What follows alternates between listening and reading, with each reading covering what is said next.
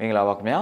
မြစီမာရဲ့ဇန်နဝါရီလ23ရက်နေ့လယ်12နာရီထိနောက်ဆုံးရသတင်းတွေကိုတင်ဆက်ပေးပါရမယ်ကျွန်တော်ကြောစရာမြင်ပါအာနာသိန်းစစ်ကောင်းဆောင်ဒဝယ်မြို့ကိုရောက်နေပြီးလုံခြုံရေးတင်းကျပ်ထားတဲ့တဲ့မတူပီကိုတက်လာတဲ့စစ်ရင်တန်းခုံးလို့တော်အမျိုးသားဥယျာဉ်အတွင်းမှာရှိတဲ့လမ်းဘေးတစ်ပင်တွေကိုမီးရှို့ပြီးစစ်ကြောင်းတက်လာတဲ့တဲ့ကြေးရွာနီးကတ်လာတဲ့စစ်ကောင်စီစစ်ကြောင်းကိုတရက်ကံမ PDF မိုင်းဆွဲတိုက်ခိုက်တဲ့တဲ့နဲ့ နှစ်ဖက်တင်းမာနေတဲ့ယူကရိန်းရေးကိုရုရှားနဲ့အမေရိကန်တို့ဆက်လက်ဆွေးနွေးတဲ့တဲ့အစရှိတဲ့ပြည်တွင်းနဲ့နိုင်ငံတကာသတင်းတွေကိုတင်ဆက်ပေးသွားတော့မှာဖြစ်ပါတယ်။အာနာသိန်းစစ်ကောင်းဆောင်ဗိုလ်ချုပ်မှုကြီးမင်းအောင်လှိုင်ထဝယ်မြို့ကိုရောက်နေပြီလို့သတင်းတွေထွက်ပေါ်ပြီးလုံခြုံရေးတင်းကျပ်ထားတဲ့သတင်းနဲ့စလိုက်ချင်ပါတယ်။အာနာသိန်းစစ်ကောင်းဆောင်ဗိုလ်ချုပ်မှုကြီးမင်းအောင်လှိုင်အပါအဝင်29ဦးဟာဒီကနေ့ဇန်နဝါရီလ23ရက်နေ့မှာထဝယ်မြို့ကိုရောက်လာနေကြောင်းသတင်းတွေထွက်ပေါ်နေပြီးတမျိုးလုံးကိုလုံခြုံရေးတင်းတင်းကျပ်ကျပ်ချထားတယ်လို့ထဝယ်မြို့ကန်တွေထံကနေသိရပါတယ်။ ထဝယ်မြို့ကန်တူကမင်းအောင်လိုင်းတဲ့အဖွဲ့တဝဲမျိုးကိုဒီကနေ့မနက်မှာရောက်နေပြီလို့တော့ကြားတယ်။ဘာလာလုတ်တယ်ဘယ်သွားမယ်ဆိုတာတော့တိကျကျမသိရသေးဘူး။လုံခြုံရေးတွေတော့တမျိုးလုံးကိုတင်းကျပ်ကျပ်ချထားတာတွေ့ရတယ်လို့ပြောပါတယ်။အာနာသိန်းစစ်ကောင်းဆောင်ဗိုလ်ချုပ်မူကြီးမင်းအောင်လိုင်ဟာတဝဲမြို့မှာရှိတဲ့လောကမာရစိန်ဖျားကြီးကိုတွားရောက်ဖို့ရှိနေကြောင်းသတင်းတွေထွက်ပေါ်နေခဲ့ပေမဲ့တိကျအတည်ပြုနိုင်ခြင်းတော့မရှိသေးပါဘူး။အဲ့ဒီခီးစဉ်မှာကာကွယ်ရေးဦးစီးချုပ်ရေဗိုလ်ချုပ်ကြီးမူအောင် ပညာရေးဝန်ကြီးဒေါက်တာညွန့်ဖေပို့ဆက်ဝန်ကြီးဗိုလ်ချုပ်ကြီးတင်အောင်ဆန်းကျမ်းမာရေးဒုဝန်ကြီးဒေါက်တာအေထွန်းစစ်ကောင်စီအဖွဲ့ဝင်ဖြစ်တဲ့ဗဒိုမန်းကြီးမောင်စတဲ့အဖွဲ့ဝင်တွေပါဝင်တယ်လို့လည်းထဝယ်မြို့ကနေထံကနေသိရပါဗျ။မတူပီကိုတက်လာနေတဲ့စစ်ရင်တန်းခုံးလို့တော်မြို့သားဥယျာဉ်အတွင်းမှာရှိတဲ့လမ်းဘေးတစ်ပင်တွေကိုမီးရှို့ပြီးမှစစ်ကြောင်းတက်လာတဲ့တဲ့နဲ့ဆက်ချင်ပါတယ်။ ကြီးပြည်နယ်မင်းတပ်မြို့ကမတူပီကိုထွက်ခွာလာတဲ့တကြက်ကကားနစီအပါဝင်စစ်ရင်တန်း83စီကို CDF မင်းတပ်အဖွဲ့ကအကြိမ်ကြိမ်ကြားဖြတ်တိုက်ခိုက်ခဲ့တာကြောင့်စစ်ရေးအတာစီရယူဖို့ခေါင်းနှုတ်တော်မျိုးသားဥယျာဉ်အတွင်းလမ်းတစ်လျှောက်မှာရှိတဲ့တောတွေမြက်ခင်းတွေတစ်ပင်တွေကိုလက်လွတ်စပယ်မီးရှို့သွားကြတယ်လို့မင်းတပ်ပြည်သူ့အုပ်ချုပ်ရေးအဖွဲ့ကပြောပါတယ်။ စစ်ရင်တန်းကို CDF မင်းတပ်အဖွဲ့တွေကအချိန်ချင်းကြားဖြတ်တိုက်တော့စစ်တပ်ကလည်းလမ်းတစ်လျှောက်မှာရှိတဲ့ရွာတွေအိမ်တွေကိုလက်နက်ကြီးတွေနဲ့ပစ်ပြီးမှတက်လာကြတယ်။စစ်ရင်တန်းမှာပါလာတဲ့ရှေ့ပြေးအယောက်30လောက်ကချီတက်ရင်လမ်းတစ်လျှောက်မှာရှိတဲ့တောအုပ်တွေမြက်ခင်းတစ်ပင်တွေကိုလက်လို့စပယ်မီးရှို့သွားကြတယ်လို့လည်းသတင်းမြစ်တူကပြောပါတယ်။စစ်တပ်ကမီးရှို့လိုက်တဲ့တောအုပ်တစ်ပင်တွေဟာအာဆီယံအမွေနှစ်ဥယျာဉ်ဖြစ်သတ်မှတ်ထားတဲ့ခုံးတုံတဘာဝကျိုးဝိုင်း area အတွင်းဖြစ်ပြီးတဘာဝတက်တော်တွေအကြီးအကျယ်ပျက်စီးစေခဲ့တယ်လို့လည်းဒေသခံတွေထံကသိရပါတယ်။ နမတောင်မြို့သားဥယျာဉ်တဘာဝထိန်းသိမ်းရေးနယ်မြေဟာချင်းပြည်နယ်ကံပက်လက်မင်းတပ်မတူပီမြို့နယ်များအတွင်းမှာတည်ရှိပြီး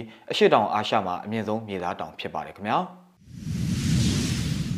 ကျေးရွာနီးကပ်လာတဲ့စစ်ကောင်စီစစ်ကြောင်းကိုတရက်ကံမ PDF မိုင်းဆွဲတိုက်ခိုက်တဲ့တဲ့ရင်ကိုဆက်လက်တင်ဆက်ပေးပါမယ်တရက်ခရိုင်တွင်စစ်ကြောင်းထိုးလာတဲ့စစ်ကောင်စီစစ်ကြောင်းကိုတရက်ကံမကာကွယ်ပူပေါင်းဖွဲ့ကမိုင်းဆွဲတိုက်ခိုက်ခဲ့ရမှာထိခိုက်ဒေဆုံးမှုတွေရှိတယ်လို့ပူပေါင်းဖွဲ့ကသတင်းထုတ်ပြန်ပါတယ်။ မကွေတိုင်းတရက်ခရိုင်မင်းတို့မြို့နယ်ရောတန်မူလကျေးရွာနီကိုထိုးလာတဲ့စစ်ကောင်စီစစ်ကြောင်းကိုတရက်ကံမပူးပေါင်း PDF အဖွဲ့ကဇန်နဝါရီလ17ရက်နေ့မနက်9:00နာရီအချိန်ကမှမိုင်းဆွဲတိုက်ခိုက်ခဲ့တာပါဆီယနာရှင်စန့်ကျင်သူတွေဒီမိုကရေစီရေးတက်ကြွလှုပ်ရှားသူတွေနဲ့ PDF တပ်ဖွဲ့ဝင်တွေကိုရှာဖွေဖမ်းဆီးဖို့တပ်ဖြတ်လာတဲ့စစ်ကောင်စီစစ်ကြောင်းကအဖွဲ့ဝင်12ဦးခန့်အသင့်ပြင်ဆင်ထားတဲ့မိုင်းခွဲအလဲရောက်မှာမိုင်းဆွဲတိုက်ခိုက်ခဲ့တာဖြစ်တယ်လို့ PDF အဖွဲ့ကပြောပါတယ်။ ထိထိမိမိဆွဲလိုက်တာ17ယောက်လုံးလဲသွားတယ်10ယောက်လောက်ပြန်မထနိုင်ဘူးနှစ်ဖက်အပြန်လန်ပြစ်ကြပြီးသူတို့ဝရုံးသုံးကားထွက်ပြေးကြတယ်လို့ PDF တာဝန်ရှိသူတူကပြောပါတယ်နှစ်ဖက်အပြန်လန်ပြစ်ခတ်မှုတနင်္လာနေ့ပါကြာခဲ့ပြီးတရက်ကံမပူပေါင်း PDF အဖွဲ့ကအထိကိမရှိစုတ်ခွာနိုင်ခဲ့တယ်လို့သိရပါတယ်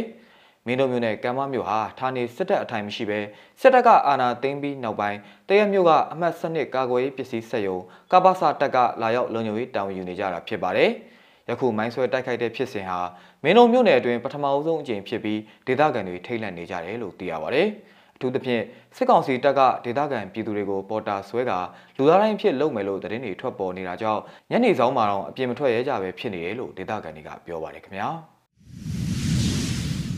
နှစ်ဖက်တင်းမာနေတဲ့ယူကရိန်းအရေးကိုရုရှားနဲ့အမေရိကန်တို့ဆက်လက်ဆွေးနွေးမယ်ဆိုတဲ့နိုင်ငံတကာသတင်းကိုလည်းတင်ဆက်ပေးကြပါမယ်။ရှုစားရအောင်ပါ။ တင်းမာမှုတွေမြင့်တက်နေပေမဲ့ထိတ်တိုက်ရန်ဆိုင်တွေ့မဲ့အဖြစ်ထိမရောက်ရှိအောင်ထိန်းထားဖို့နှစ်ဖက်စလုံးကသဘောတူညီထားသလိုယူကရိန်းကိုကျူးကျော်ဖို့အစီအစဉ်မရှိဘူးလို့တနင်္လာနေ့ကတင်းမာတဲ့ဆွေးနွေးပွဲအတွင်းရုရှားကအမေရိကန်ကိုပြောကြားခဲ့ပါတယ်။ဂျနီဗာမှာ9နာရီကြာစိစက်ဆွေးနွေးပြီးတဲ့နောက်ကြီးကြီးမားမားအောင်မြင်မှုလက္ခဏာမပြပေမဲ့ရုရှားနဲ့အမေရိကန်နှစ်ဖက်စလုံးကဆက်လက်ဆွေးနွေးကြဖို့ကန့်လန့်ခဲ့ကြပါတယ်။ အနောက်လိုလာတဲ့အိန္ဒိချင်းယူကရိန်းအပေါ်ရုရှားရဲ့ကျူးကျော်မှုတွေဖြစ်လာနိုင်ခြေတွေကိုစိုးရိမ်တဲ့အတွက်အခုလိုအခြေတင်ဆွေးနွေးပွဲတွေဖြစ်ပေါ်လာခဲ့တာဖြစ်ပါတယ်။မော်စကိုဟာဝါရှင်တန်နဲ့၎င်းရဲ့နေတိုးမဟာမိတ်တွေထံမှကျယ်ပြန့်တဲ့လိုက်လျောမှုတွေကိုတောင်းဆိုထားသလိုအပြန်အလှန်အားဖြင့်တစ်ဖက်ကလည်းဘလို့တိုက်ခိုက်မှုမျိုးအတွက်မဆိုပြင်းထန်တဲ့ပိတ်ဆို့အရေးယူမှုတွေနဲ့ တုံ့ပြန်သွားမယ်လို့ချိန်ချောက်ထားပါတယ်။ရုရှားလက်ထောက်နိုင်ငံသားရေးဝန်ကြီးစာဂျီရိုင်ယာကော့က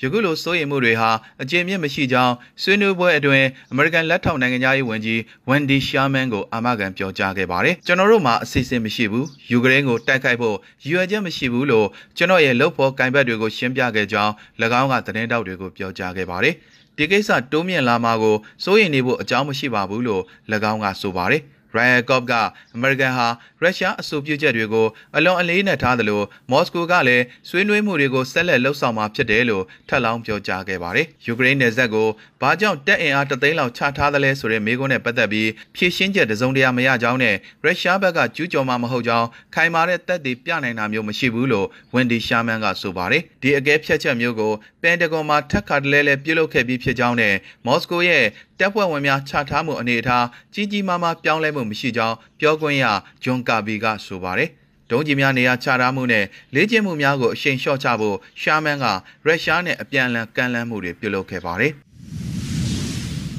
မြစီမရဲ့ဇန်နဝါရီလ23ရက်နေ့လယ်12နာရီအထိနောက်ဆုံးရသတင်းတွေကိုတင်ဆက်ပေးကြတာပါ။မြန်မာပြည်သူပြည်သားအပေါင်းဘေးရန်ရဲ့မျိုးမျိုးကနေကင်းဝေးကြပါစေခင်ဗျာ။